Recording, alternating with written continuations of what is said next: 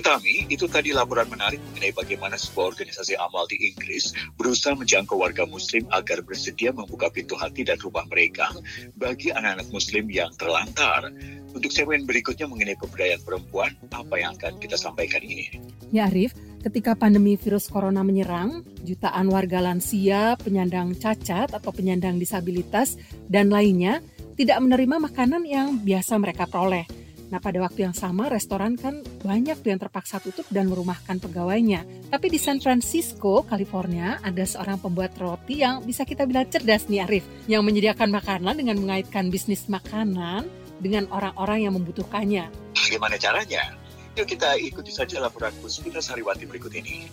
Ketika Hang Trong memulai bisnisnya Noodle Girl, ia mencapai impiannya untuk membawa makanan dari tempat ia dibesarkan di Vietnam ke rumah barunya di California. I came here and I really miss the taste of my mom because when I go to the restaurant, I can't find the taste that I ate like. Saya datang ke sini dan saya rindu masakan ibu saya. Karena ketika saya pergi ke restoran, saya tidak menemukan makanan seperti yang saya kenal sewaktu saya masih kanak-kanak di sana. Kemudian pandemi menyerang dan impiannya terhambat. Noodle Girl bersama dengan semua restoran lain di daerah San Francisco terpaksa tutup untuk waktu yang tidak dipastikan. Pemilik toko roti Lenore Estrada juga menghadapi masalah yang sama. I knew that we just couldn't continue, like we were going to go bankrupt if I saya tahu kalau restoran tidak bisa buka, saya akan bangkrut kalau tidak langsung mem-PHK pegawai saya.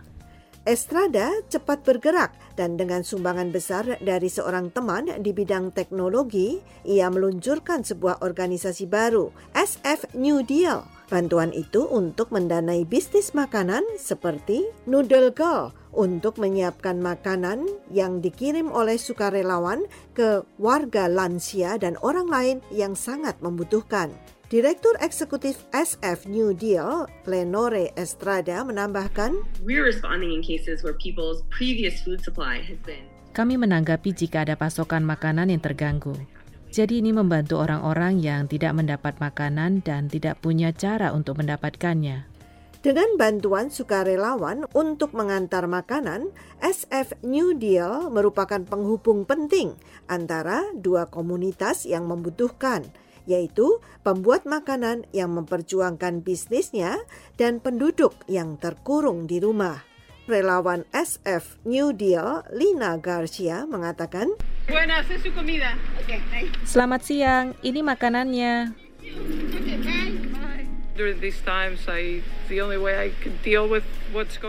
Dalam masa seperti ini, cara satu-satunya bisa saya lakukan adalah membantu. Sejak Maret, lembaga nirlaba itu telah mengirim lebih dari 270 ribu paket makanan dan bekerja sama dengan lebih dari 80 restoran. This program is helping me to pay for Program ini membantu saya membayar segala hal yang saya perlukan dalam bisnis, tetap hidup dan semoga bisa bertahan. Estrada menambahkan, some of the restaurants are kind of starting to graduate. We've had a few who said like, "Hey, we a month ago we really needed this. Now we've been able to ramp up." Sebagian restoran sepertinya mulai bisa mengatasi keadaan. Kami punya beberapa restoran yang mengatakan, "Hey, sebulan yang lalu kami benar-benar membutuhkan ini." Sekarang kami sudah bisa meningkatkan pesanan makanan. Jadi kami baik-baik saja dan Anda bisa memesan makanan untuk orang lain. Lenore Estrada juga menantikan saat ia bisa fokus membuat roti lagi. Puspita Sariwati, VOA, Washington.